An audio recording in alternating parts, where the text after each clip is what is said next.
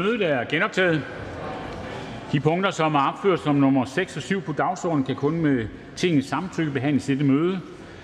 Som bekendt så har udvalget for forretningsordenen medtaget nye retningslinjer for, hvornår der skal stemmes i salen om samtykke til dispensation for forretningsordenen. Og det betyder, at der skal holde afstemning om spørgsmål om dispensation for 30-dagesreglen, hvis et forslag er sat til tredje behandling mindre end 14 dage efter fremsættelsen.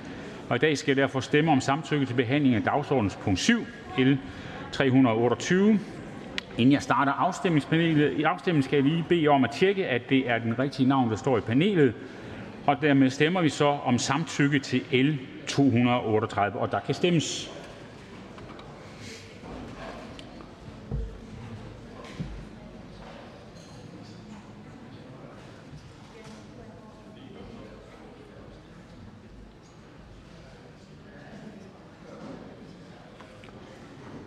Afstemningen slutter. 95 for, ingen imod, ingen hverken for eller. Samtykke er givet. Og så er det til punkt 6 på dagsordenen. Igen så skal der stemmes om samtykke, og derfor beder jeg igen om at stemme om samtykke til... Den skal vi ikke stemme om. Det var dejligt. Så kan vi gå til det første punkt på dagsordenen. Det er indstillingen til udvalg for valgsprøvelse. Udvalg for valgsprøvelse har jeg modtaget indstilling om, at første stedfortræder for det radikale venstre i Østjyllands Storkreds, Susanne Kronborg, godkendes som ordinær medlem af Folketinget fra med den 17. juni 2021, da Morten Østergaard har nedlagt sin mandat per 16. juni 2021. Er der nogen, der ønsker ordet? Da det ikke er tilfældet, så går vi til afstemning, og der stemmes om udvalgets indstilling.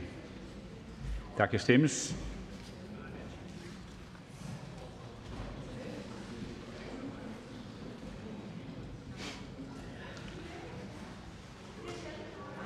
Afstemningen slutter. Udvalgets indstilling er enstemmigt vedtaget med 97 stemmer for, ingen imod, ingen hverken for eller imod. Tillykke. Det næste punkt på dagsordenen er tredje behandling af lovforslag nummer L 213, forslag til lov om beskyttelse af whistleblower af justitsministeren. Der er ikke stillet ændringsforslag. Ønsker nogen at udtale sig? Da det ikke er tilfældet, så går vi til afstemning, og der stemmes om lovforslagets endelige vedtagelse, og der kan stemmes.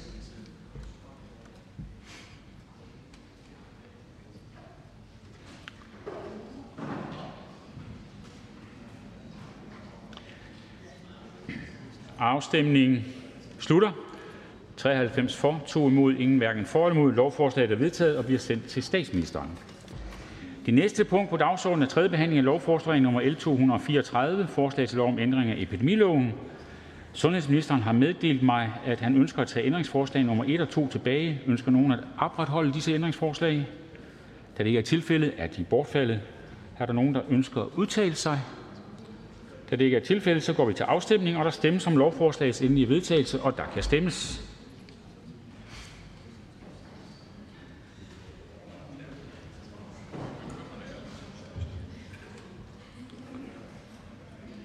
Afstemningen slutter. 94 for, ingen imod, en hverken for eller imod. Og dermed er lovforslaget vedtaget og bliver sendt til statsministeren. Det næste punkt på dagsordenen er tredje behandling af lovforslag nummer L 235a. Forslag til lov om ændring af lov om arbejdsgivernes adgang til at pålægge lønmodtagerne at blive testet for covid-19 med videre og lov om udstationering af lønmodtagere med videre. Der er ikke stillet ændringsforslag. Ønsker nogen at udtale sig? Da det ikke er tilfældet, så går vi til afstemning, og der stemmes om lovforslagets endelige vedtagelse, og der kan stemmes.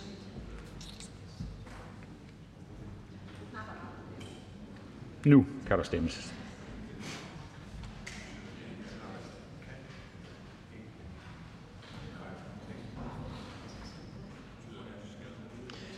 Afstemningen slutter. 84 for, 4 imod, 7 hverken for eller imod. Lovforslaget er vedtaget og bliver sendt til statsministeren.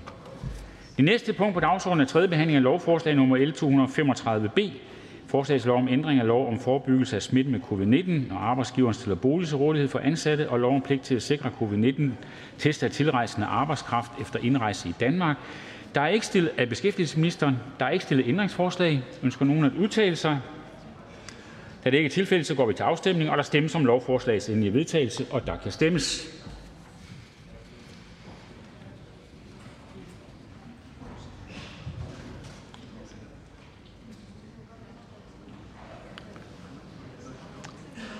Afstemningen slutter. 91 for, 4 imod, ingen hverken for eller imod. Lovforslaget er vedtaget og bliver sendt til statsministeren. Det næste punkt på dagsordenen er: 3. behandling af lovforslag nr. L 237: Forslag til lov om ændring af lov om arbejdsløshedsforsikring m.v. og lov om sygedagpenge. Af beskæftigelsesministeren (Peter Hummelgaard). ændringsforslag. Ønsker nogen at udtale sig? Da det ikke er tilfældet, så går vi til afstemning. og Der stemmes om lovforslagets endelige vedtagelse.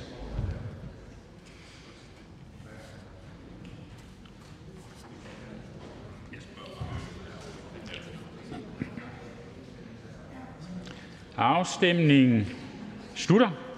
95 for, ingen imod, ingen hverken for eller imod. Lovforslaget er vedtaget og bliver sendt til statsministeren. Det næste punkt på dagsordenen er: 3. behandling af lovforslag nr. L 238: Forslag til lov om ændring af lov om aktiv beskæftigelsesindsats. Af beskæftigelsesministeren (Peter ikke stillet ændringsforslag. Ønsker nogen at udtale sig? Da det ikke er tilfældet, går vi til afstemning. og Der stemmes om lovforslagets endelige vedtagelse, og der kan stemmes.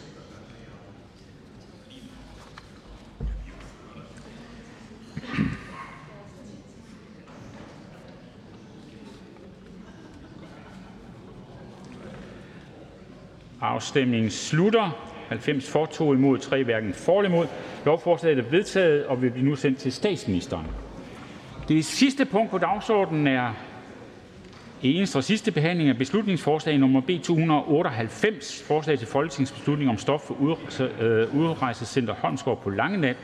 Af Morten Dalin, Pia Kærsgaard (dansk Folkeparti), Markus Knudt, (Konservative Folkeparti), Pernille Vermund (Nye Borgerlige), Henrik Dahl (Liberal Alliance) og Inger Støjberg uden for grupperne. Og Jeg vurderer lige, øh, hvor stor talelysten er, og i givet fald vil jeg selvfølgelig slukke af, men jeg forstår i hvert fald, at hr. Morten Dahlin ønsker ordet. Værsgo.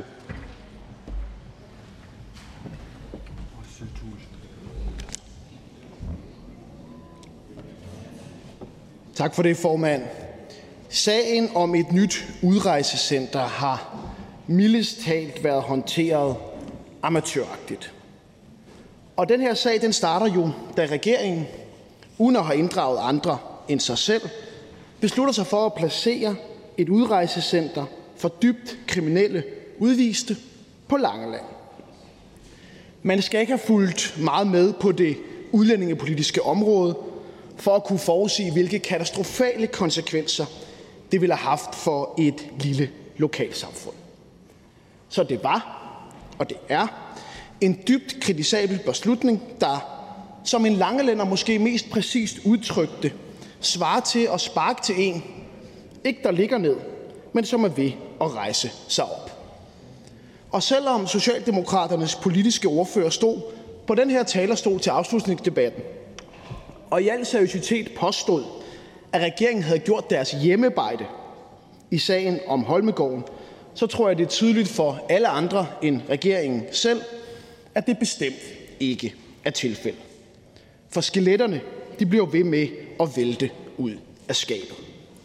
Først fandt vi ud af, at regeringen slet ikke havde besigtiget ejendommen, før de købte den. Så fandt vi ud af, at regeringen ikke havde skænket lovens bestemmelser om lokal høring en eneste tanke. Og til sidst så finder vi så ud af, at regeringen betaler en gedin overpris på ejendommen, stik imod, stik imod rådgivning fra regeringens egne rådgivere. At pengene så i gik til en mand, der tidligere er dømt for svindel med EU-midler, ja, det er jo bare endnu et skelet. Så meget for at have gjort sit hjemmearbejde. Men det er faktisk ikke engang det værste. Det er endnu værre, hvordan regeringen har ageret bagefter. For da et flertal i Folketinget, og heldigvis for det, får sagt nej til planerne om Langeland, så sætter regeringen sig hen i hjørnet med armene over kors og surmuler som en fornærmet teenager.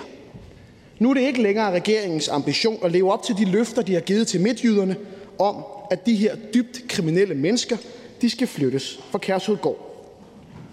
Så derfor har vi stillet det her forslag i dag sammen med en række andre partier, og det er et forslag, som går på to ben. Det første ben er, at regeringen skal pålægges endelig at lægge planerne med udrejsecenter på Langeland i graven, og det andet ben er, at regeringen bliver pålagt og indkaldt til drøftelser, så vi kan finde en ny placering og dermed leve op til løftet til midtjyderne. De midtjyder, som jeg i øvrigt godt kan forstå, føler sig meget svigtet af regeringen. Jeg håber på, at det her forslag det lige om lidt bliver vedtaget, og så ser vi frem til at forfølge denne her sag, for den er bestemt ikke slut endnu. Tak for Jeg ser, der er en kort bemærkning til hr. Christian Juhl, Enhedslisten. For det første så vil jeg gerne bede ordføreren om ikke at tale på os midtjyders vegne. Det kan vi sagtens selv. Altså, vi har trives med det, øh, det øh, sted, vi har haft, øh, og der har været mange myter om, hvad der rent faktisk sker i vores byer og landsbyer. Der er ikke nogen overkriminalitet. Så ville det have været fyldt i aviserne omkring det. Det er den ene ting. Den anden ting er, at jeg, jeg synes, det her bliver et lidt populistisk forslag. Skal vi stemme om hver eneste sted, vi ikke skal have en, en lejr? Det er den ene ting. Og punkt to, for at være lidt konstruktiv. Hvad synes ordføreren om Jørgens borgmesters geniale idé om at fordele øh, de mennesker, der skal være et sted i de regioner, vi har? Han har endda sagt, at vi tager lidt mere end de andre, der, der brokker sig og siger, hvad de ikke vil. Hvorfor? For det første må jeg sige, at jeg er dybt uenig med øh, enhedslistens spørger. Altså, jeg har selv besøgt Kærshovedgård og lokalsamfundet, og de her dybt kriminelle udviste, de skaber utryghed. De skaber en stor utryghed for dem, der bor i nærheden, for dem, der driver forretning i nærheden. Så jeg er dybt uenig med enhedslistens analyse af, at det her det ikke skaber øh, utryghed. Og så i forhold til den socialdemokratiske borgmesters øh, forslag øh, om at fordele øh, de her øh, mennesker, øh, så har jeg ikke læst det nærmere, men vores udgangspunkt er jo, at der skal laves et nyt udrejsecenter. Og vi har så foreslået, at det skal være på en ubeboet ø. Der foreslår regeringen, at det skal være på en, en beboet ø. Og der tror jeg vidderligt, at man skal være socialdemokrat for at påstå, at at placere det på en beboet ø ikke skaber mere utryghed, end at gøre det på en, på en ubeboet ø. Hr. Christian Juhl. Tak for det. Vi elsker gæster i Midtjylland, men vi elsker ikke bedre vidende gæster, der på baggrund af et enkelt besøg, en enkelt time endda, øh, begynder at udtale sig så kategorisk, som ret mange i den her sal gør omkring, hvad der sker i området. Jeg synes da, det er mærkeligt, at ordføreren, som har så travlt med at afvise det her forslag, det, det kan der være mange grunde til, ikke engang kan sige, om han synes, det er en god idé, hvad Jørgens borgmester foreslår. Jeg synes, det er det, det, er det klogeste, der er lavet endnu, at få delt dem ud i områderne, så det ikke er så stor en koncentration. Det er der også mange, der er klaget over. Men det kan jeg sige meget klart. Det synes vi ikke er en god idé. En af de vigtigste pointer ved at have et udrejsecenter er jo at motivere de her mennesker til at forlade Danmark. For hele målsætningen med det her er jo ikke, at de skal ud og bo og integrere sig i et lokalsamfund. Det her det er mennesker, der har begået alvorlig kriminalitet, og som derfor skal forlade Danmark hurtigst muligt. Og derfor skal vi selvfølgelig lave et system, som motiverer dem til at forlade Danmark. Og der tror jeg ikke på, at den socialdemokratiske borgmester i Jørgens løsning vil leve op til det formål. Fru Stamme, værsgo. Jeg vil bare gerne bede ordføreren om at fortælle, hvor det er, de her øh, tidligere kriminelle asylansøgere og udvisningsdømte så skal være. Hvorfor? Jamen, vi mener, at de skal placeres på en ubeboet øh, ø i Stegbuk, der hedder øh, Lindholm. Fru Senja Stamme. Det var også det svar, jeg havde øh, forventet. Så vil jeg bare gerne spørge, hvad ordførens kommentar er til de mange borgere, der bor i Kallehave, og som er akkurat lige så utrygge ved udsigten til at få et udrejsecenter tæt på dem, som langelænderne har været. Jeg ved også, at Morten Dahlin er valgt i samme storkreds, som jeg er, nemlig øh, Sjællands Storkreds, hvor øh, Lindholm og Kallehave ligger. Hvad er øh, svaret til borgerne i Kallehave? Ordfører? Svarene til borgerne i Kalvehave er jo naturligvis, at det er lidt skægt, at fru Zenia Stampe siger, hvis man, at det er det eneste sted i Danmark, hvor man skal stemme på radikale venstre, hvis man ønsker færre flygtninge. Det er så i, øh, i Kalvehave. Altså, vi mener, at en løsning på en ubeboet ø medfører mindre utryghed for danskerne, end at lægge det på en beboet ø. Vi siger ikke, at der findes en genial løsning på det her problem. Der findes kun dårlige løsninger, men vi skal tage den mindst dårlige, og det er altså en ubeboet ø. Så er det fru Rosa Lund, Enhedslisten. Værsgo. Ja, tak for det. Og det er jo, fordi hr. Morten Dahlin kommer ind på det her med motivationsfremmende foranstaltninger. Og der skal jeg bare høre, om Morten Dahlin sidder på nogle andre oplysninger, end vi gør i enhedslisten. For i 2012, der konkluderede Rigspolitiet, at øh, frihedsberøvelse ikke er en motivationsfremmende foranstaltning. I 2018 der spurgte vi ind til det igen i Enhedslisten, og der fik vi det samme svar: Frihedsberøvelse er ikke en motivationsfremmende foranstaltning. Nu er vi i år 2021. Vi har ikke fået nogen nye svar i Enhedslisten, men det lyder jo lidt som om, at hr. Morten Dahlin har nogle andre svar, end vi har i Enhedslisten. Så dem vil jeg da gerne høre. Ordfører, værsgo. Jamen, jeg tror, det er et udtryk for en politisk uenighed. Jeg er overbevist om, at hvis man gør det, som enhedslisten lige har kaldt det mest geniale forslag, Altså spreder de her mennesker ud, lad dem integrere sig i lokalsamfundet, blive bosat øh, i alle mulige miljøer og på, måske endda få lov at arbejde og alt muligt andet, jamen så er der da mindre sandsynlighed for, at de vil forlade Danmark. Det siger sig selv. Vi har nogle dybt kriminelle udviste udlændinge, som i hvert fald et bredt flertal i Folketinget har sagt, de ønsker at skal forlade Danmark. Og derfor bliver vi selvfølgelig nødt til at installere dem under nogle forhold, som motiverer dem til at forlade Danmark. Man kunne stille spørgsmålet den anden vej og sige, er enhedslisten overhovedet enig i intentionen om, at de her mennesker de skal forlade landet hurtigst muligt? Rosa Lund. Jamen, vi synes da naturligvis, at hvis man er udvist af Danmark og ikke har et lovligt opholdsgrundlag, så skal man ikke være her. Men jeg vil gerne vende tilbage til mit spørgsmål, hr. Morten Dahlin. Nu er det engang det er mig, der er spørgeren. Nemlig, har hr. Morten Dahlin nye oplysninger, som viser, at frihedsberøvelse virker motivationsfremmende? Jeg kunne jo også spørge, de forhold, der er på Kærshovedgård, som er vanvittigt dårlige, hvor mange har de fået til at frivilligt rejse ud af Danmark, hr. Morten Dahlin? Altså, hvad er det, der gør, at Venstre er så overbeviste om, at den, den her model med opholdspligt, meldepligt, dårlig behandling får folk til at rejse ud? Ordfører, værsgo. Jeg bliver lige nødt til at stoppe op et øjeblik her og påstå, at det danske samfund giver de her mennesker dårlig behandling.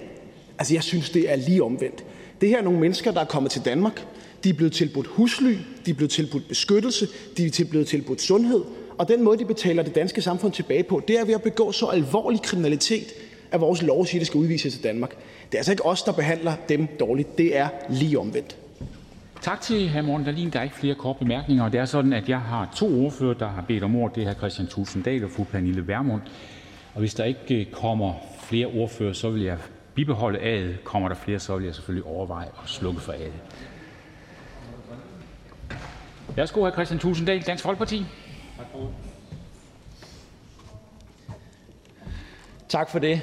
Hvis man er dømt for terror i Danmark og også dømt til udvisning, hvis man er dømt for voldtægt i Danmark og dømt til udvisning, hvis man er dømt for narkotikakriminalitet i Danmark og dømt til udvisning, for at tage det som tre eksempler, så synes vi i Dansk Folkeparti slet ikke, at man skal have lov til at gå frit rundt i det danske samfund og genere lovlydige danske borgere.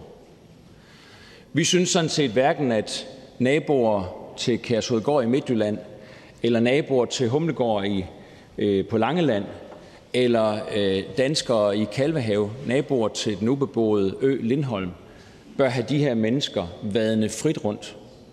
Og jeg synes i virkeligheden, det blev øh, ret klart, da regeringen ville flytte 130, hvor jeg altså dem, jeg taler om her, de er en del af dem, fra øh, Kærsudgård i Midtjylland til Langeland, og langelænderne de med god ret stillede sig op og protesterede og sagde nej tak. Dem ønsker vi ikke som naboer. Hvad var regeringens svar til de her mennesker, til de her naboer? Det var, at de kunne få tilskud til at sætte hegn op omkring deres bolig, så de her kriminelle udlændinge, som er udvist af Danmark, som skal gå frit rundt i det danske samfund, de ikke kunne genere dem, fordi nu havde naboerne fået hegn omkring sig. Eller man kunne få tilskud til alarmsystemer, så hvis de alligevel brød ind i ens hus, så kunne man vide, at de brød ind i ens hus. Og når man skulle op og handle op i den lokale butik, op hos den lokale købmand eller brus, ja, så kunne man jo få vagter deroppe, der kunne prøve at skabe lidt sikkerhed i forhold til de her mennesker. Altså, jeg tror, der er et eller andet sted, når man... De fleste, mest af Folketinget bør da... Altså, der er nok nogle enkelte, vi slet ikke kan nå her, men de fleste i Folketinget, de må vel sådan helt lavpraktisk nå frem til, at det er en uholdbar situation, vi er endt i, hvis de her kriminelle udlændinge, som er udvist af vores land, de skal have lov til at gå frit rundt, mens de danskere, der så er deres naboer, de skal frygte. Og derfor så synes vi jo, at vi skal virkelig diskutere det her grundigt og finde ud af, hvordan løser vi det her, Øh, så danskerne får trygheden tilbage. Og det her beslutningsforslag går så på to ben. Altså det ene ben, det kan man sige, det er umiddelbart løst, fordi der har udlændingeministeren trukket i land og sagt, vi flytter ikke de her 130 mennesker fra Kærshovedgård i Midtjylland til Humlegård i Lange, på Langeland. Så man kan sige, at den, den første pind i det her forslag er sådan set allerede øh, udmyndtet. Men den anden pind i forslaget, den går så ud på, at regeringen skal indkalde Folketingets partier for så at finde ud af, hvad gør vi så nu? Fordi vi ved jo alle sammen, de fleste af os, nogle enkelte undtaget, tror jeg ikke, vi kan nå, men de fleste af os ved vi jo godt, at vi har en uholdbar situation. Og hvad har udlændingeministeren så gjort, siden han trak forslaget om Langeland? Og der vil jeg lægge mig i halen af det, her Morten Dalin i virkeligheden også sagde heroppe fra for et øjeblik siden. Altså, udlændingeministeren, han har sagt, okay, så dropper vi det med Langeland, når I nu er så sure over det. Og så kan I bare forklare midtjyderne, hvorfor de fortsat har de her mennesker som naboer. For nu har regeringen jo gjort sit. Nu har regeringen, mener den selv, levet op til sit løfte om at anvise en anden løsning end øen Lindholm. Så nu har regeringen valgt at gå på sommerferie og foretager sig ikke mere for at løse den her opgave over for de danskere, der føler sig utrygge. Men det er jo helt uholdbart. Det her det burde være noget, der aflyst sommerferien for udlændingeministeren. Fordi udlændingeministeren satte sig helt frem i bussen for at finde en løsning her, som gjorde, at danskerne, uanset hvor de bor i Danmark, faktisk kan føle sig trygge. Og Derfor vil jeg bare opfordre øh, til selvfølgelig, at man får vedtaget beslutningsforslaget, så vi om ikke andet så pålægger ministeren at indkalde til de her forhandlinger. Men ellers som minimum, at ministeren tager ordet herop og forklarer et, i hvert fald mange af os undrende, der er nok nogen, vi ikke kan nå, men de fleste af os herinde, hvorfor i alverden ministeren så ikke øh, har gjort noget ved det her siden det tidspunkt, hvor man opgav Langeland, og hvad regeringen i øvrigt så vil gøre i, øh, i fremtiden for at sikre danskerne. Jeg håber, vi får svaret her. Ellers så kan det være, at vi får svaret på mandag, hvor vi jo har indkaldt til et samråd i, øh, i udvalget med ministeren for at få svar på, på de her spørgsmål. Jeg håber, ministeren kan finde lidt mere end en time, han vist har sat af på mandag. Det var det, vi kunne få for en måneds tid siden, da vi bad om samrådet, kunne få stillet til rådighed på mandag. Og det er jo fantastisk stort, ikke, at en minister han vil give Folketinget en hel time på mandag, altså sådan 3-4 uger efter vi bad om samrådet. Der kan han så sætte en time af, til vi kan snakke om det på mandag. Jeg håber da, om ikke andet vi kan forsvare her i Folketingssalen i dag, og ellers så på mandag, hvor vi så forhåbentlig kan få øh, skrabet lidt bedre tid sammen. Fordi det her det er en vigtig sag. Det er det af hensyn til de danskere, der føler sig utrygge, og det er uanset om de bor i Midtjylland, på Langeland, eller de bor i Kalvehave, eller hvor ellers man i Danmark går rundt og er utryg over de her menneskers færden i det danske samfund. Der er kort mærkning først af hr. Rasmus Jarlov. Jamen, jeg er jo meget enig i øh, indlægget her fra hr. Christian Thulesen Dahl, og øh, jeg vil også bemærke, at jeg synes, der er rigtig meget at diskutere her. Øh, der er rigtig meget at kritisere. Øh, købet af en bygning til overpris, hyggeleriet i, at man først er imod Lindholm og derefter foreslår en løsning, som er endnu dårligere for et lokalsamfund osv. osv. Og derfor synes jeg, det er meget kritisabelt, at vi ikke ser Socialdemokratiet og regeringen gå op på talerstolen og tage debatten med Folketinget, men bare holder lav profil, fordi man ved, at man har en dårlig sag, og så håber man, det går over. Så jeg synes, det er godt, at Dansk Folkeparti indkalder til samråd, og jeg vil ønske, at regeringen havde mandsmod til at gå op på talerstolen. Jamen tak til hr. Jarlov. Øh, jeg synes jo også, det er kendetegnende, at man opgav øh, Lindholm, fordi man sagde, det var for dyrt. Og så anviser man så en, øh, et, et, et område på Langland, hvor man jo efter det, der er kommet frem indtil nu, i hvert fald har betalt overpris for bygningen. Altså man kunne da starte med at så kun at give det, som den rent faktisk var prissat til. Men der ser det ud til, at man har givet overpris. Det har vi jo heller ikke fået noget som helst, øh, nogen form for antydning af et svar på, så det er rigtigt, der er rigtig mange ting, der trænger til at blive belyst her, og jeg glæder mig til, at øh, der forhåbentlig er nogen fra regeringen, der vil gå op og, og lytte til hr. Jarlovs øh, anmodning, og så svare på spørgsmålene her fra talerstolen. Så er det sådan, at øh, hr. Markus Knudt har bedt om ordet som ordfører, så derfor siger vi tak til hr. Christian Tusinddal.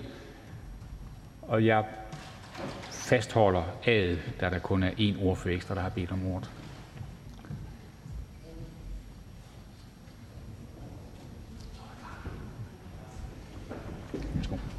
Tak, formand. Jeg skal ikke bruge meget tid på det her, øh, for jeg vil egentlig følge op på det, her Rasmus Jarlov sagde. Jeg synes, det er meget, meget underligt, at udlændingeministeren ikke selv kommer op og, og, og tager ordet.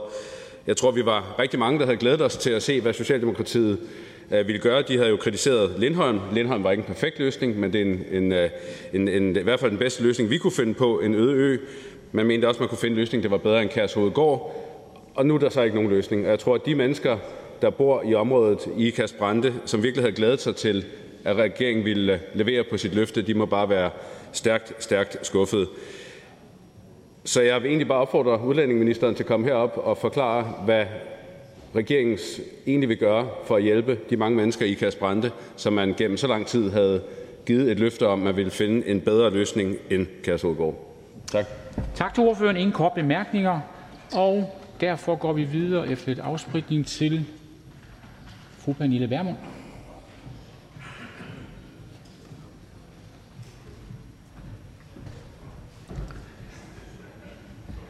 Fru Pernille Vermund, Nye Borgerlige, værsgo.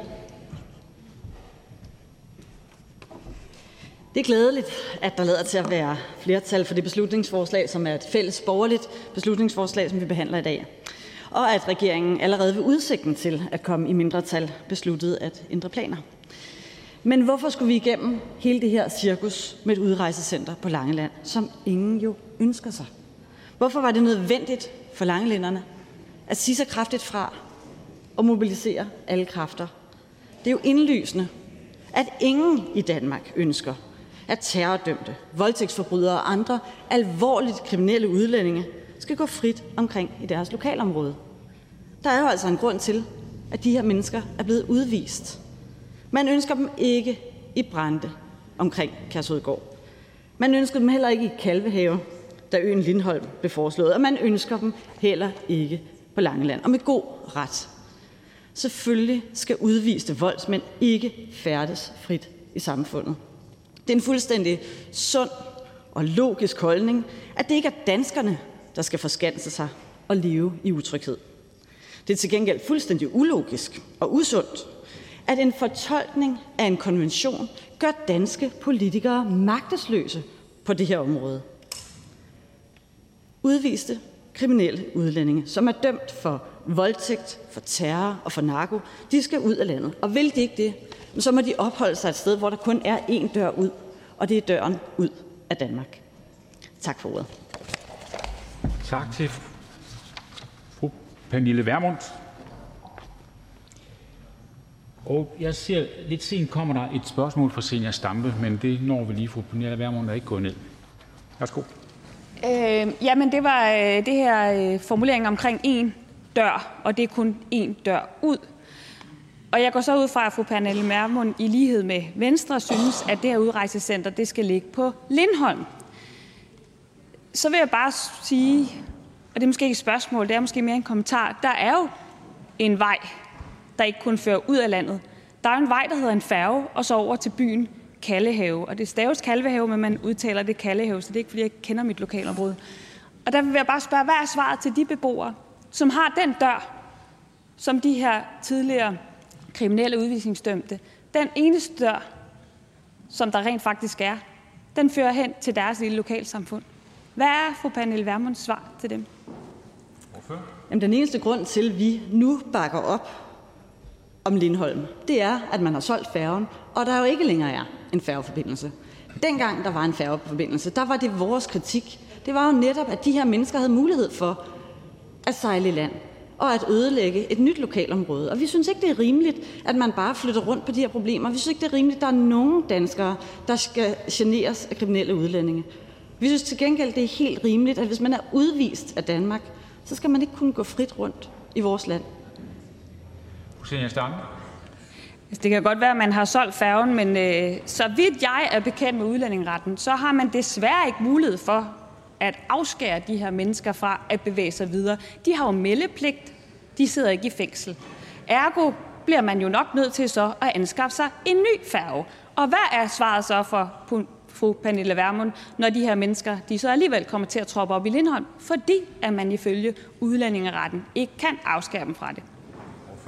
Jamen, mit svar og Nye Borgerlige svar er, at det er os herinde, der skal lave udlændingeloven. Det er os, der skal bestemme, hvad der er for regler for udvisningsdømte kriminelle udlændinge. Og det er ikke rimeligt, og det er det, jeg siger i min ordførertale, det er simpelthen ikke rimeligt, at vi lader os paralysere af konventioner, som betyder, at uanset hvor man placerer det her udrejsecenter, så vil der være danskere, som skal chikaneres, leve i utryghed og forskanse sig i deres eget lokalområde.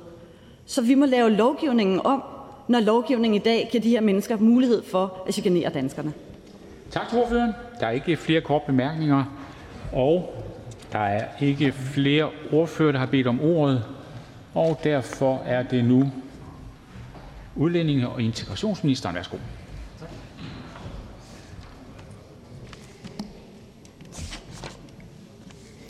Tak for ordet til formanden og for de indlæg, der har været fra ordførerne.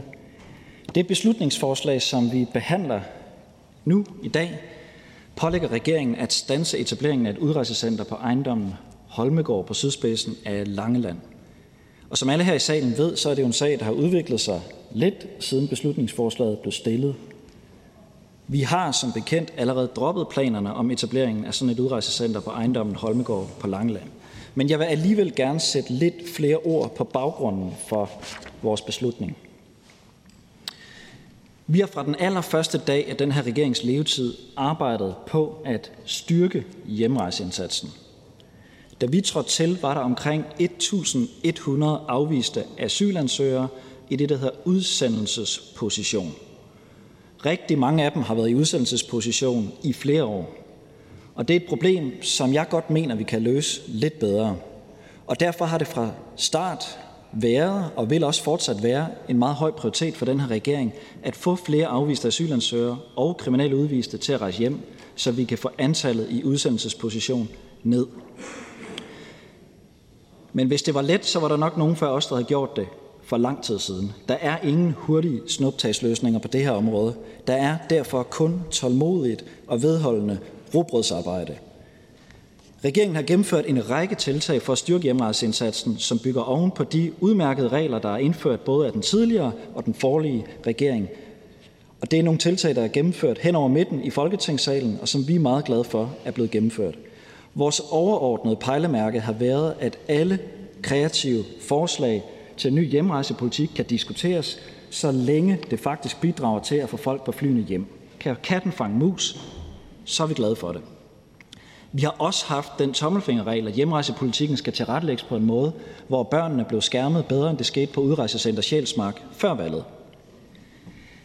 Vi har så blandt andet sidste år oprettet Hjemrejsestyrelsen, som skal langt tættere på den enkelte udlænding og opsøge dem aktivt fra det øjeblik, de får en afgørelse om, at de ikke må opholde sig i Danmark, og lige indtil de rejser hjem igen. Hjemrejsestyrelsen har blandt andet medarbejdere, der har deres daglige gang på vores udrejsecenter, hvor de har en opsøgende tilgang over for den enkelte udlænding på det center, hvor den pågældende bor og opholder sig. Derudover så sætter styrelsen ind med rådgivning langt tidligere, end vi har gjort tidligere. Regeringen har derudover fremsat et forslag til Danmarks første hjemrejselov, som blev vedtaget af Folketinget i slutningen af maj i år. Det er en lov, der indeholder en række nye initiativer, der samlet set skal sikre, at myndighederne har bedre forudsætninger for at få flere til at rejse hjem. Det er overordnet hjemrejsepolitik, som baserer sig på en meget proaktiv og en meget håndholdt tilgang. Hjemrejseindsatsen skal bidrage til, at langt færre i sidste ende ender på et udrejsecenter, så langt færre danskere ender med at være naboer til et udrejsecenter. Jeg synes, at det indtil videre ser fornuftigt ud, og at vi bevæger os i den rigtige retning i forhold til antallet af afviste asylansøgere i udsendelsesposition. Nu fik jeg lige et tal øh, i går. De er to uger gamle. Vi er nede på 970 afviste asylansøgere. Jeg er med på, at nogen vil sige, at det stadig er et stort problem. Det medgiver jeg fuldstændig, men vi bevæger os nedad. Vi bevæger os i den rigtige retning ved godt gammeldags robrødsarbejde. Små, sikre skridt i den rigtige retning. Det skyldes selvfølgelig dels det lave antal asylansøgere, der er kommet den seneste tid, men det skyldes faktisk også, at vi har haft succesfulde udrejseprojekter, som har betydet, at udlændinge uden lovligt ophold som regel i grupper er rejst hjem til deres hjemland. Nogle gange frivilligt, nogle gange øh, ledsaget af danske myndigheder. Derudover så har regeringen oprettet et udrejsecenter særskilt for børnefamilier i Lejre Kommune på Midtjylland, med det center har regeringen haft fokus på at skærme børnene bedre og ændre rammerne for indkvarteringen af de børn, der tidligere boede på et center i Nordsjælland, der hed Sjælsmark. Næste skridt i hjemrejsepolitikken skulle så have været et nyt center for gruppen af blandt andet udvisningsdømte kriminelle udlændinge. Jeg er egentlig enig med Venstres ordfører, hr. Morten Dalin, i, at der ikke findes nogen gode løsninger for indkvarteringen af den her gruppe. Men der findes en løsning, der er den mindst dårlige. Det var den, vi synes, vi havde fundet med udrejsecenter Holmegård på Langeland. Det var derfor, vi præsenterede den løsning i maj. Vores beslutning affødte en række reaktioner, ikke mindst fra beboerne på Langeland, som jeg selv mødtes med for at diskutere med dem og lytte til dem og tale med dem. Også her fra Folketinget rejste der sig reaktioner på vores beslutning, og jeg kunne konstatere, at der ikke alene var kritik fra en række partier, men også et flertal, der var klar til at gå herned i salen, trykke på den grønne knap og stemme for, at regeringen skulle pålægges at stoppe etableringen af et udrejsecenter på Langeland. I regeringen har vi ikke noget ønske om at trumle hen over et flertal i Folketinget, og derfor har vi trukket stikket, droppet planerne om et udrejsecenter på Langeland. Så nu står vi så her. Jeg forstår udmærket, at der er ærgelse i Midtjylland, og vi har derfor besluttet, at vi vil fremrykke det, vi allerede havde planlagt, nemlig en hjælpende hånd til området omkring Kærshovedgård i Midtjylland. så de får yderligere støtte til at håndtere de udfordringer, de i forvejen har stået med. Tak for ordet. Tak for det. Øh, jeg har forløbig fem øh, indtegnet, derfor fastholder jeg A'et. Først er det her Morten Dalin, Venstre. Værsgo. Tak til ministeren for at gå på, på talerstolen. Ministeren nævner den ene del, som det her beslutningsforslag handler om, nemlig den del om Langeland, men glemmer meget behendigt den anden del, som handler om, at ministeren skal indkalde til drøftelser, så man kan få flyttet de her mennesker til Kærsødgård. Og den del af beslutningsforslaget er jo i virkeligheden en hjælpende hånd til Socialdemokratiet. For det var Socialdemokratiet, der i valgkampen gav midtjyderne et løfte. Så derfor er mit spørgsmål bare, når nu det her forslag lige om lidt bliver vedtaget, hvornår indkalder ministeren så til de drøftelser, så vi kan finde en løsning på problemerne omkring Kærshovedgård? Minister? Om, øh, om der kommer hjælpende hænder fra, fra Venstre til Socialdemokratiet, det vil jeg lade andre om at vurdere. Men jeg vil sige det på den her måde. Jeg synes ikke, at placeringen af et udrejsecenter egner sig til politiske forhandlinger. Jeg synes, det er fornuftigt, det der står i udlændingeloven, nemlig at det er myndighederne og ministeriet, der tilvejebringer og driver indkvarteringssteder. Hr. Morten Dahlin. Så jeg skal bare forstå det rigtigt. Hvis det her forslag, som vi jo forventer bliver vedtaget lige om lidt, så har regeringen tænkt sig at sidde et folketingsflertal overhørt og ikke indkalde sig til drøftelser, på trods af, at ministeren lige har stået og sagt, at regeringen i en anden sag ikke ønsker at gå imod et flertal i Folketinget. Så bare ganske kort. Hvis det her forslag bliver vedtaget lige om lidt, kan vi så forvente, at regeringen følger et flertal i Folketingets ønske og indkalder til drøftelser, så vi kan få afhjulpet problemerne omkring Kærshovedgård i Midtjylland? Minister?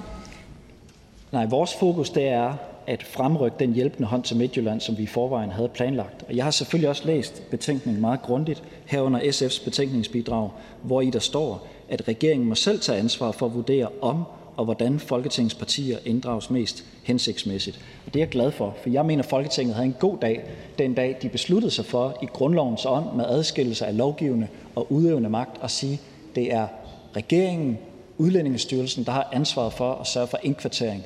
Det er ikke noget, at man skal forhandle om og sprede usikkerhed omkring i masser af steder i Danmark. Tak. Så er det Christian Tulsendal, Dansk Folkeparti.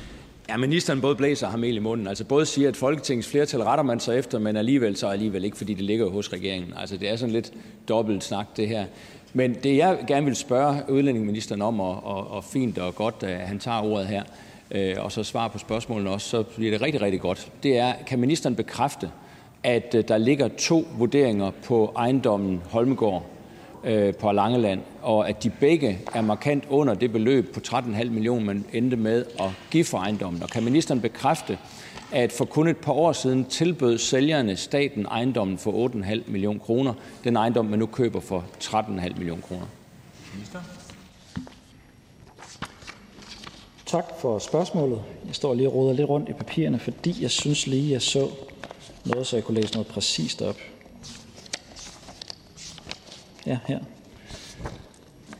Jeg har selvfølgelig også fulgt øh, diskussionen omkring selve købet, som øh, Udlændingsstyrelsen har stået for øh, med hjælp fra kammeradvokaten.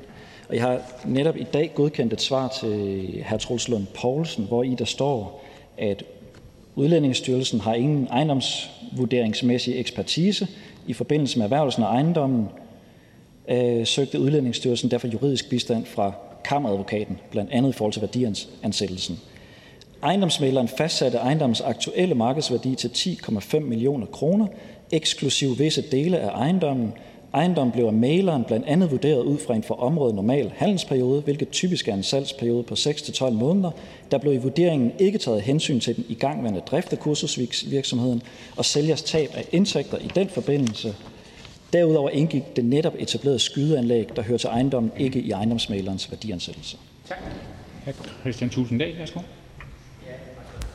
Den aktindsigt, som jo er, er givet, belyser, at der er to vurderinger, hvor den ene den er, det er den, ministeren øh, nævner fra, fra Nordicals øh, ejendomsmalere, som anslår værdien til 10,5 millioner kroner, og så kommer de korrektioner, som ministeren fremdrager. Den anden, øh, det er en vurdering på 5,35 millioner. 5,35. Samtidig med, at sælgerne tilbød ejendommen til staten for to år siden for 8,5 millioner. Kan, kan ministeren ikke lige bekræfte det? Fordi sagen er jo, at hovedargumentet for ikke at vælge øen Lindholm, men vælge øen Langhold, Langeland, det er jo, at det skulle være billigere. Det kan det jo godt være i det samlede regnstykke, men derfor er det interessant at se, om, om staten i virkeligheden her så starter tak det hele med at købe en ejendom til overpris. Så får vi svar. Værsgo, minister. Om jeg, jeg synes, uh, punkt 1, vi bør interesseres for, at det er en ejendomsmælder med speciale i erhvervsejendom. Det er den sidstnævnte. Og så bør vi også interessere os for, at ejendomsmægleren rent faktisk har været på stedet. Og så siger de så 10,5 millioner. Udlændingsstyrelsen har købt til 13,5 millioner. Oven i de 10,5 millioner er der så noget værdi i, at man har kunnet udleje den hen over sommeren, og Udlændingsstyrelsen vil gerne overtage det hurtigt, og der er noget værdi i et skydebaneanlæg, som ejendomsmaleren siger, han ikke har ekspertise til at vurdere. Om de resterende 3 millioner er dækket af det, det skal jeg virkelig ikke gøre mig til ekspert over, men jeg betragter det ikke som øh, øh, sådan øh, langt væk fra, hvad man vil betragte som almindelig sund fornuft. Tak for det. Så er det her Christian Juhl, Enhedslisten. Tak for det. Jeg vil bare gerne spørge ministeren om det samme spørgsmål, som jeg spurgte før. Hans partikollega fra Jørgen har jo stillet et, efter min mening, klogt øh, øh, forslag om, at man skulle dele de her folk ud, mens de var i landet, fordi at så er det, det, der menes at være en belastning for et enkelt område, ikke så hårdt, uanset hvor man placerer dem. Og så vil man jo kunne håndtere det meget, meget nemmere i regionerne. Han, han foreslår endda, at han vil tage mere, end hvad Jørgen skal tage, for at tage deres andel. Hvad mener ministeren om det forslag? Er det ikke bare lige at gå til og så sørge for, at det er det, der bliver brugt som udgangspunkt? Så vidt jeg kan se, så betyder det, at Jørgen skulle have 5, 6, 27 af de der mennesker, øh, mens de er i landet. Minister? Jeg bemærkede godt, at der var et medie, der havde lavet en rundspørg blandt landets borgmester, om ikke at de havde lyst til at lægge adresse til sådan et udrejsecenter. Der i hvert fald var kommet en henvendelse den anden vej fra, fra Jørgens borgmester, som havde det her forslag, som øh, jeg ikke synes er godt. Øh, fordi jeg synes, det er vigtigt, at der er opholdspligt øh, et sted, eller i hvert fald få steder, dels af sådan økonomiske og praktiske hensyn, fordi vi er nødt til at have polititilstedeværelse. Der er nødt til at være et sted, hvor man kan melde sig, altså et sted, hvor man digitalt kan sige, nu er jeg her. Og det kan blive meget dyrt at sætte hele det setup op i alle 98 kommuner. Men også fordi, at en gang imellem lykkedes det faktisk at få hul igennem til et land og få dem til at acceptere, at de skal modtage nogle af deres egne statsborgere. Og så er det ret vigtigt, at vi rigtig hurtigt kan få flyttet folk ud i Kastrup Lufthavn, og så skal vi ikke til at lede efter dem alle mulige steder i kongeriget. Hr. Christian Juhl? Jamen, det forstår jeg ikke helt. Altså, sådan som jeg har forstået det, så har de mennesker meldepligt. Og det er måske dybest set det, der er lovovertrædelserne i Midtjylland, det er, når de ikke kommer ind og melder til tiden. Og det bliver selvfølgelig så markeret som en overtrædelse. Jeg mener, de har jo ikke opholdspligt, de har meldepligt. De har da ret til at tage sig en tur til Aarhus eller et andet sted, mens de er der. Og dermed er det vel lige så let for et byråd. Altså, hvis ikke, hvis ikke de borgerlige de ellers har hvad her det, fjernet politiet fra nærområdet alle steder, så er det vel også til at, at, at overkomme og, og, og løse den opgave, uanset om det er i Jørgen eller IKAST eller hvor pokker det er henne. Minister, værsgo. At de har faktisk både meldepligt og opholdspligt, men hr. Christian Juhl har jo ret i, at opholdspligten betyder ikke, at de er indespærret. At de er ikke frihedsberøvet. De kan gå ud af døren, når de vil, men der er et par gange om ugen, hvor at man øh, øh skal overnatte på centret. Og det er jo, øh, fordi de har begået noget kriminelt, i hvert fald nogle af dem. Den straf har de afsonet, og i forlængelse af den straf, de har fået, har de så fået en udvisning. Så vi kan ikke spære dem inde, medmindre de begår ny kriminalitet. Nu er loven faktisk lige strammet her for ganske nylig, som betyder, at hvis man overtræder den her opholds- og meldepligt af nogle omgange, så kan man også ryge ind i spillet i noget tid. Her Karl Valentin, SF. Ja, tak. Jeg er glad for, at ministeren har læst SF's øh, betænkningsbidrag. Øh, jeg fik bare lyst til lige at komme med en kommentar, fordi nu var der for nogle borgerlige lød det lidt som om, at øh, med det her beslutningsforslag så var regeringen ligesom tvunget til at indkalde alle Folketingets partier til realitetsforhandlinger om præcis, hvor det skal ligge. Jeg mener slet ikke, det er sådan, man skal læse teksten. Altså, øh, man er pålagt, at man skal droppe udrejsecenteret på Langeland. Det har man gjort. Så skal man indkalde Folketingets partier til drøftelser om mulige placeringer. Det har man faktisk også gjort. Vi har haft et fint møde om det. Øh, og jeg synes, at det, der er centralt herfra, det er, at regeringen sørger for, at øh, det parlamentariske grundlag bliver inddraget godt, og at man i øvrigt øh, holder sig til forståelsespapiret, hvor man nu skriver, at man vil lave en undersøgelse af mulige placeringer. Og så længe man gør det, så, øh, så tror jeg så set, at vi kan have et fint forløb herfra, og SF stemmer for det her forslag, fordi vi var meget imod, at man placerede et udrejsecenter på Langeland, uden at have sikret sig opbakning til det. Det var bare en kommentar. Tak. Minister. Øh, ja, tak til, til hr. Carl Valentin. Altså, vi har jo skrevet nogle linjer i forståelsespapiret omkring det her. Øh, vi havde så forestillet os, at det skulle gennemføres ved at etablere et udrejsecenter på Langeland. Det bliver så ikke til noget. Så er det klart, så har vi en opgave her for at fuldt op på mellem regeringen, SF, Radikale og Enhedslisten, som er de papirer, partier, der står bag forståelsespapiret. Så er det hr. Markus Knudt, Konservativ Folkeparti. Mange tak. Nu har vi jo ventet i, i to år på, at regeringen skulle levere på sit løfte, øh, som regeringen jo mente, at man havde en, en, en, en løsning, der var bedre end Lindholm, bedre end Kærshovedgård, og nu er det så bare blevet til absolut ingenting. Og i de to år har folk i Ikast Brande jo gået og glædet sig til, at den utryghed, der var i deres område, at den skulle forsvinde. Og det sker så alligevel ikke. Så jeg vil egentlig bare høre, hvad, hvad ministeren har at sige til folk i Midtjylland, der jo sidder tilbage med en enorm skuffelse. Jamen, jeg vil da starte med at sige, at jeg forstår godt, de er ærgerlige. Det forstår jeg virkelig godt.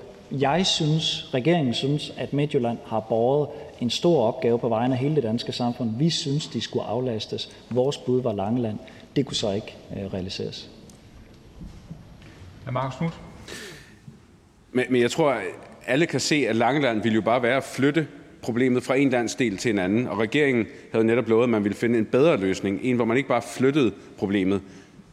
Så nu hvor Langeland ikke bliver til noget, hvor der ikke er opbakning til det, hvorfor gør regeringen så ikke noget for rent faktisk at prøve at levere på det løfte, man har givet, ikke mindst til folk i, i Midtjylland, og finde en løsning, som er det, regeringen jo mente, at man kunne, som er bedre end Kærshovedgård? Minister? Jamen, jeg, jeg er faktisk ikke helt enig med, øh, med hr. Markus Knudt i, at vi har sagt, at vi ikke vil flytte de her 130 mennesker. Det er jo faktisk lige præcis det, vi sagde, vi ville. Så er det her Morten Messerschmidt. Det er jo virkelig rørende at høre øh, venstrefløjens omsorg for de her personer, altså dømte terrorister, mordere osv. Altså, vi venter jo nærmest kun på, at enhedslistens folketingsgruppe tilbyder, at man kan indkvartere dem privat øh, hjemme og i kollektivet. Men øh, det, jeg vil spørge ministeren om, det er, at han sagde i sit, øh, i sin indlæg her, at hvis det her var let, så var der nok nogen, der havde gjort det. Hvad, hvad er det, altså let i forhold til hvad? Fordi det at finde en løsning, det er jo ikke svært, minister. Altså ministeren kan jo bare se til højre i stedet for at se til venstre, og så øh, stemme for den løsning, som øh, et samlet borgerligt, øh, en samlet borgerlig blok tilbyder, nemlig Lindholm. Så når han siger, at det ikke er let, så må det jo i virkeligheden handle om, at det ikke er let at blive ved med at være minister, hvis man gør det, som er let i forhold til at løse problemet. Vil ministeren bekræfte det? Minister? Nej, jeg tror, hr. Morten Messerschmidt har misforstået, hvad jeg sagde i min øh, ministertale. Det, jeg sagde, der ikke var let, det var for 1100 afviste asylansøgere til at rejse ud. Det, jeg så også sagde, det var, jeg tror faktisk godt på, at vi kan gøre det bedre, end vi gør i dag, med godt gammeldags rugbrødsarbejde. Og jeg gav endda Folketinget den lille nyhed, at vi nu er nede på 970. Jeg kan ikke huske, hvornår vi sidst har været nede på et 60 antal afviste asylansøgere i udsendelsesposition. Jeg medgiver så, det skyldes ikke kun hjemrejsepolitikken, det skyldes også lave asyltal og dermed øh, lavere antal øh, afslag på asyl og dermed lavere antal afviste asylansøgere i udsendelsesposition. Det var det, der ikke var let, men som jeg tror på, at vi kan komme nærmere ved gammeldags rugbrødsarbejde. Det er det, der er hele grundlaget for at have etableret Hjemrejsestyrelsen, som øh, arbejder hårdt på at få folk ud, når de ikke skal være her. Det tror jeg i øvrigt også, Enhedslisten og Venstrefløjen er enige i. Morten Messerschmidt. Ja, vi skoser jo ikke ministeren for de ting, der så ikke er lette. Fordi det er jo ting, han har lavet i udgangspunktet med, det borgerlige, med de borgerlige partier på Christiansborg her i Folketinget. Og det er jo, det er jo noget, der til synligheden virker. Altså når ministeren føler trang til, inden han skal stå til ansvar for det, der så ikke virker, og fremhæve øh, bedre hjemsendelsesregler osv., det er jo noget, der er lavet med de borgerlige partier. Hvorfor så ikke løse det her også med de borgerlige partier? Hvorfor insistere på, at venstrefløjen, der jo har lagt grunden til alle de katastrofer, med indvandring har ført til. Lad dem sejle deres egen båd, og så lad os løse det her problem. Det er jo ikke så, tak. er ikke så svært, minister. Tak, så er det ministeren. Værsgo.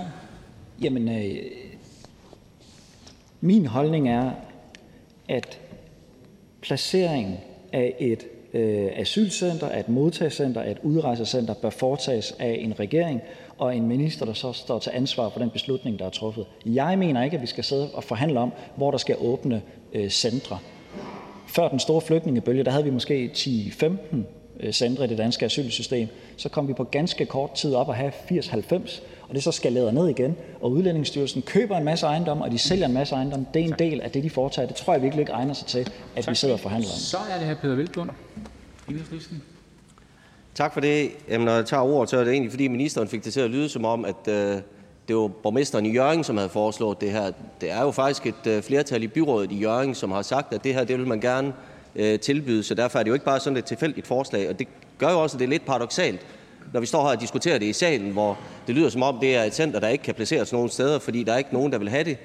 Øh, og så er der faktisk nogle pragmatiske folk, som siger, at her har vi et samfundsproblem. Og det er jo ikke et spørgsmål om, det skal placeres i 98 kommuner.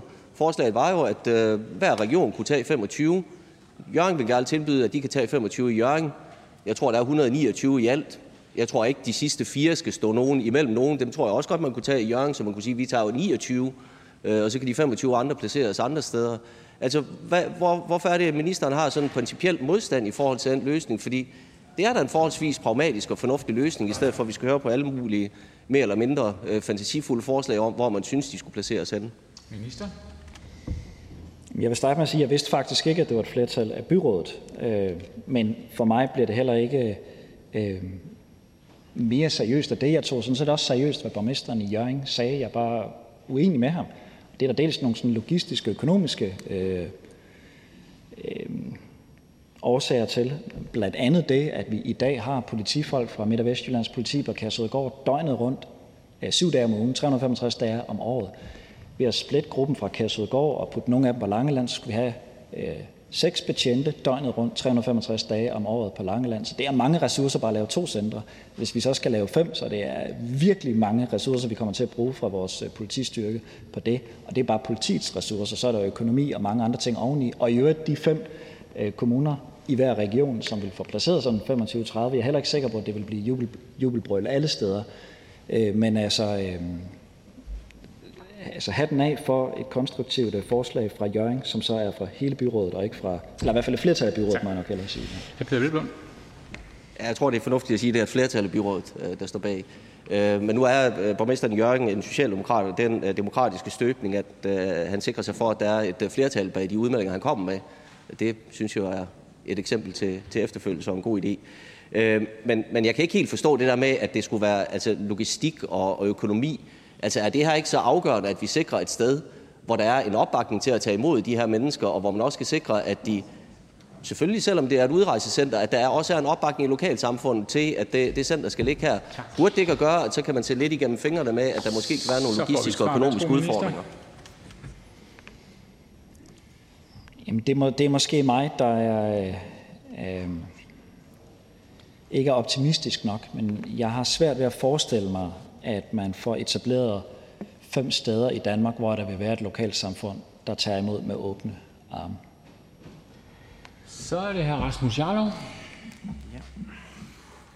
Jamen, det var lidt i forlængelse af hr. Karl Valentins indlæg før, hvor jeg godt vil spørge til, hvordan det føles som Socialdemokrati at have så lojalt et øh, støtteparti, som selv i den ene situation, hvor man tør sætte sig op mod regeringen, fordi man ellers bliver lynchet af den eneste borgmester, man har i sit bagland, og hvor regeringen er i gang med at træffe nogle beslutninger, som er åbenlyst hovedløse, øh, så føler man sig alligevel kaldet til nærmest at undskylde for det her nede i salen, så der ikke er nogen i regeringen, der tror, at SF nu er ved at øh, gå, sætte sig op imod regeringen. Øh, det må vel være rart som regering at have sådan en støtteparti, som man ved aldrig nogensinde går imod regeringen, eller hvordan? Minister? Jeg hører ikke, der er nogen, der har undskyld for sig selv her i Folketingssalen. Men det, jeg har bemærket i den udlændingepolitiske debat, ikke kun i den her folketingssamling, men også før valget, er, at vi ender lynhurtigt i skyttegravene alle sammen. Og den går lige ned her midt igennem salen. Og det er ikke gavnligt for dansk udlændingepolitik på lang sigt. Jeg tror på, at vi skal blive bedre til en gang imellem at tage en dyb indånding, så lige prøve at lytte til, hvad de andre siger. Øh, jeg hører ikke nogen sige, at de udvisningsdømte bare kan flytte ind i deres øh, kollektiv. Jeg synes lynhurtigt, det bliver øh, giftigt og ukonstruktivt, når vi diskuterer de her ting. Og det er nogle svære spørgsmål, så jeg går og drømmer om, at vi en dag ender et sted, hvor at vi kan have en helt almindelig lavpraktisk politisk debat med hinanden om, hvilken udlændingepolitik vi skal have, uden at vi har behov for hele tiden at skyde hinanden ting i skoen. Rasmus Jarlov? Da vi foreslog Lindholm, der var der partiledere, der svømmede ud i tørdragt til øen for at lave politiske markeringer. Altså, man kan ikke ligefrem sige, at den kritik, der kommer nu, skulle være mere grøftegravende, end den var dengang, hvor det blev brugt i en valgkamp, og hvor retorikken var op på et helt andet toneleje end den, vi har nu. Vi kritiserer meget konkret, at der er ikke konsistens i det, man foreslår, fordi Venstrefløjen og Socialdemokraterne har bundet sig fast til at være imod et projekt, som giver mening, og nu foreslår nogle projekter, som ikke giver mening ved at lægge det andre steder end Lindholm. Værsgo, så får vi svar fra ministeren. Værsgo. Jamen, jeg er også ked af, hvis det fremstår, som om jeg anklager den ene fløj mere end den anden. Altså, jeg, jeg var heller ikke tilhænger af en svømmetur nede i Stegebugt. Altså, jeg tror heller ikke, det er gavnligt for øh, diskussionerne øh, i dansk politik omkring udlændingeområdet. Øh, vi var ikke tilhængere af det, altså etableringen af et udrejsecenter på øh, Lindholm i Vordingborg Kommune, fordi vores vurdering var, det var mere øh, navn end gavn, at det var en øde ø, for der skulle ligge en færge i pendulfart ind til Sydsjælland, og derfra busser ud til resten af Sjælland. Og derfor så øh, faldt det forslag fra vores side på økonomi. Så er det fru Rosa Lund, Enhedslisten. Ja, tak for det. Det er jo altid en fornøjelse at høre hr. Morten Messersmiths udlægning af enhedslistens politik, fordi den er altid forkert. Jeg vil gerne spørge hr. Mathias Tesfaye, udlændingeministeren, om, når nu at det er sådan, at hver gang der bliver foreslået en placering af et udrejsecenter, så er der nogen, der er utilfredse med det. Tyder det så ikke lidt på, at der er noget galt med konstruktionen? Altså lige meget, hvad for en diskussion vi har om placeringen, så vil det jo blive sådan en diskussion af, ikke min valgkreds, ikke min baghave. Det er nok, fordi der er noget i vejen med konstruktionen. Så jeg vil gerne spørge ministeren, kan ministeren komme med et andet eksempel, hvor det har givet mening at samle mange kriminelle på et sted? Altså jeg vil starte med at sige, at vi har faktisk ikke kun ét øh, udrejsecenter. Vi har flere, men det er rigtigt, dem, der er dømt til udvisning og som ikke har børn, de bor et sted, nemlig Kærshovedgård i Kastbrande Kommune. Øhm. Og så er det rigtigt, at i og med, at der kun findes dårlige løsninger på selve placeringsopgaven, så mener jeg også, at den politiske opmærksomhed først og fremmest må rette sig imod at få bragt antallet af afviste asylansøgere i udsendelsesposition ned. Det er jo det, der er den egentlige løsning. Alt andet er jo lappeløsninger. Og der er det bare, at jeg i al ydmyghed siger, det går ikke så ringe endda for tiden. Det gør det faktisk ikke. Og det er rigtigt, at nogen øh, udrejser øh, frivilligt, andre udrejser ledsaget. Altså, der kan være politibetjente og folk fra andre danske myndigheder med ombord. Men der er faktisk slået hul igennem til nogle lande, og det går langsomt, og det er møjsommeligt. Og ligesom vi tror, der skal et fly i luften med x antal mennesker, så får jeg nogle gange alligevel at vide, at det lykkes ikke alligevel. Men så prøver vi igen, fordi hver eneste person, vi får ombord på flyet, der spreder det rygte sig også som ring i vandet hos andre med samme nationalitet i samme situation, der så siger, ah, måske i stedet for at tage mig hjem med tvang, så tager jeg alligevel øh, posen med penge for det danske. Jamen, den politiske opgave er jo så også at se, om det, vi gør i dag, er rigtigt, om det fungerer. Og Kærshovedgård er jo indrettet med de her såkaldt motivationsfremmende foranstaltninger, som den tidligere regering stod i spidsen for.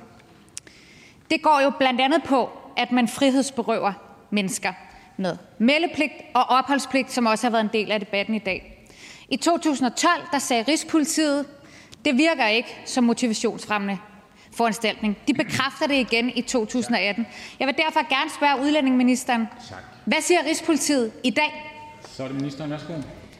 Hvad Rigspolitiet siger i dag, vil jeg meget gerne indhente oplysninger fra Justitsministeriet omkring. Men jeg vil også godt sige, at der er også en årsag til, at vi har de her centre. Der er også en forebyggende årsag til det. Jeg, andre europæiske lande siger, du får hermed afslag på asyl, du har værsgo at forlade landet, og hvis ikke du gør det, så bor folk under broerne, tager ufaglært arbejde som illegal arbejdskraft alle mulige steder. Sådan skal det ikke være i Danmark. Vi skal ikke have sådan en illegal underklasse i Danmark. Det betyder, at vi skal have styr på, hvor de her mennesker de er henne. De skal have tre måltider mad og en seng, og vi skal ikke have dem til at stå og vaske op øh, i et eller andet pizzeria i, i baglokalet for 40 kroner sort i timen. Og derfor så har vi det her system, som jeg synes har mange funktioner. Så er det her Hans Christian Skibby, Dansk Folkeparti. Ja, tak, formand.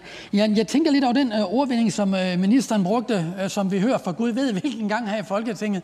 Vi hører den også mange gange fra ministerens egen ordfører på udlændingeområdet, hr. Rasmus Stoklund, som siger, at, at hvis man valgte Lindholm-modellen, som vi jo var nogle partier, der frygtelig gerne ville, så ville der skulle sejle en færge i pendulfart. Det der pendulfart, det, det bliver så ligesom sådan en gramofonplade øh, hos Socialdemokraterne at bruge i den her argumentation for, at man skulle vælge Lindholm fra.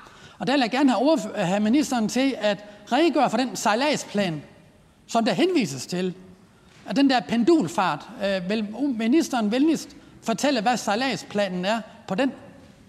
Minister. Jeg kan huske, at den færge hed Virus, og jeg er ret sikker på, at den nu er solgt. Øhm, jeg kender ikke den konkrete sejladsplan i hovedet, men det, jeg kan huske, var, at der dengang blev stillet et, øh, et folketingsspørgsmål til den daværende minister omkring, hvad skulle det egentlig koste og sådan noget. Og noget af det, jeg kan huske, der stod i det svar, det var, jamen i og med, at de her mennesker jo ikke har nogen arbejdstilladelse i Danmark og ikke tjener nogen penge, så kan man sagtens ende i en situation, hvor vi skulle ligge og sejle folk gratis frem og tilbage. Og så synes jeg måske, det bliver lige lovligt festligt. Hans Christian Skiby. Mm, ja, det var der ikke meget svar på. Altså, pendulfart. I min optik, så en pendul, den går rimelig hurtigt. Den går ikke langsomt. Og når regeringen står gang på gang og siger, at det er noget med en pendul at gøre, at der skal være mange sejladsture, så må man også kan redegøre for, hvorfra man har den vildfarelse, at der skal sejle en færge i pendulfart imellem Lindholm og fastlandet. Og det kommer der ikke. Og så vil jeg gerne spørge ministeren, hvorfor har regeringen valgt at bruge øh, de 759 millioner kroner til alt muligt andet, øh, end det, der var tiltænkt i forhold til den finanslov, der blev vedtaget i forhold til at sikre finansieringen af Lindholm? Så er det ministeren. Værsgo. Jeg var udlændingeordfører, da den daværende regering sammen med Dansk Folkeparti besluttede sig for, at der skulle ligge et udrejsecenter på Lindholm. Så jeg fulgte de folketingsspørgsmål, der dengang blev stillet. Og jeg kan huske, et af dem beskriver, hvor ofte den færge skal sejle. Jeg kan simpelthen ikke huske præcis, hvad der står i det svar, men det kan vi jo finde frem. Det må ligge på Folketingets hjemmeside. Men hvis Hans Christian Skiby tror, at der nu kommer argumentation ned i hans hat, så vil jeg nok øh, prøve at indstille mine forventninger lidt anderledes. Fordi øh, det er en færge, der skulle sejle frem og tilbage mellem Lindholm og Sydsjælland. Tak for det. Så er det hr. Christian Hegård, Radikale Venstre. Tak for det, og tak til ministeren for at gå op på talerstolen. For et par uger siden der stod en borgmester fra regeringens eget parti, Socialdemokraterne, frem i Jørgen Kommune på TV2-nyhederne og sagde, at man da godt kunne tage øh, nogle af de mennesker, der skulle placeres på et udrejsecenter. Og derfor vil jeg høre, om det ikke, når det bliver foreslået af regeringens eget parti, så kunne være noget af det, der indgik i regeringens overvejelser, nemlig at vi retænker vores udrejsecenterstruktur og måske får nogle flere øh, udrejsecentre med nogle færre personer, der bor, så det ikke hele tiden bliver det her med bynavn, vi diskuterer, men den helt grundlæggende struktur på området. Minister? Bare lige en enkelt lille korrektion. Det er ikke et forslag fra ministerens eget parti, men et forslag fra en borgmester fra ministerens eget parti. Og vi er heldigvis ikke Scientology, så folk kan mene og sige, hvad de vil. Øhm, men vi er ikke enige. Og det er der nogle logistiske udfordringer med, med at kunne overholde opholds- og meldepligt. Det er der også nogle økonomiske. Og i øvrigt er jeg nervøs for, at der bare vil være mange lokalsamfund, der vil synes, det var træls, i stedet for få. Christian Hegård? Men når nu vi har haft en noget øh, unuanceret debat generelt med bynavne osv., at der så er en borgmester, der repræsenterer det parti, som øh, regeringen også øh, har, at det så tyder på, at det måske er i den retning, man skal gå, når der endda er en borgmester, der byder ind. Det kunne være, at det så også var noget, andre borgmester ville byde ind på. Kunne det ikke være, at vi skulle bruge det her momentum, der er nu, den debat, der har været, til at retænke den struktur, der er? Til også måske til, på, kan man gøre noget i forhold til frivillig fodlænke? Kan vi gøre noget, noget i forhold til flere udrejsecenter, færre personer osv.? Minister, værsgo. Øh, jamen, noget af det, spørgeren siger, synes jeg egentlig er relevant at begynde at overveje. Øh, kan vi gøre mere for at sikre et system, som punkt 1 får folk til at rejse ud, og punkt 2 faktisk også er realiserbart. Jeg bemærker bare også, at at de mange, mange, mange henvendelser, jeg har fået fra folk, der siger, øh, der kommer med, med forslag til, hvor man kunne placere sådan et udrejsecenter, der har jeg altså ikke fået nogen fra en borgmester, der siger, kom bare med det til os. Det eneste, jeg har hørt, det er det flertal af Jørgen Byråd, som så har øh, udtalt sig i en spørgeskemaundersøgelse, hvor de var den eneste, der vendte tilbage. Tak til ministeren. Der er ikke flere, der har bedt om ordet. Og lige om et øjeblik skal vi stemme. Øh, før vi skal det, vil jeg gerne sige, øh, at nu er vi ved enden af en lang og en hektisk per, øh, folketingsperiode med rekordmange behandlinger og også lange behandlinger hernede i salen. Vi har også måttet tage ekstra arbejdsdage i brug for at kunne komme igennem det sammenpressede program, som Folketinget har haft. Også denne folketingssamling har stået i coronaens skygge, men øh, nu står Danmark heldigvis et andet sted. Og i min optik så har Folketinget vist sin værd ved at bringe Danmark igennem endnu en udfordrende periode. Viljen til at bøje sig med hinanden og finde fælles løsninger har været til stor gavn for hele landet, og vi har formået at slå ring omkring det danske samfund for at redde liv og arbejdspladser. Jeg vil gerne takke alle for et konstruktivt samarbejde, jeg ser frem til, at vi kan genoptage den nye samling under mere normale former. Jeg glæder mig til, når der igen er skoleklasser derude i vandrehallen, som kommer på besøg og oplever os på tætteste hold, fulde huse til konferencer og høringer. Det tror jeg kan blive dagligdagen, når vi mødes igen. Men før vi kommer så langt, øh, så skal der nydes en velfortjent sommerpause. Min opfordring vil være, ja, det er tæt på at være en tjenestelig ordre, sæt telefonen på lydløs, tag en pause for digital støj og opdatering på sociale medier. Husk på, at også jeres følgere har, god, har brug for en god ferie. Jeg vil gerne ønske jer alle sammen en god og varm sommer sammen med familie og venner. Og så vil jeg bede jer om at stemme i forhold til det beslutningsforslag, som vi lige har øh, debatteret. Der kan stemme. Afstemning slutter. 50 for, 37 imod, 8 hverken for eller imod. Beslutningsforslaget er vedtaget og bliver nu sendt til udlænding og integrationsministeren.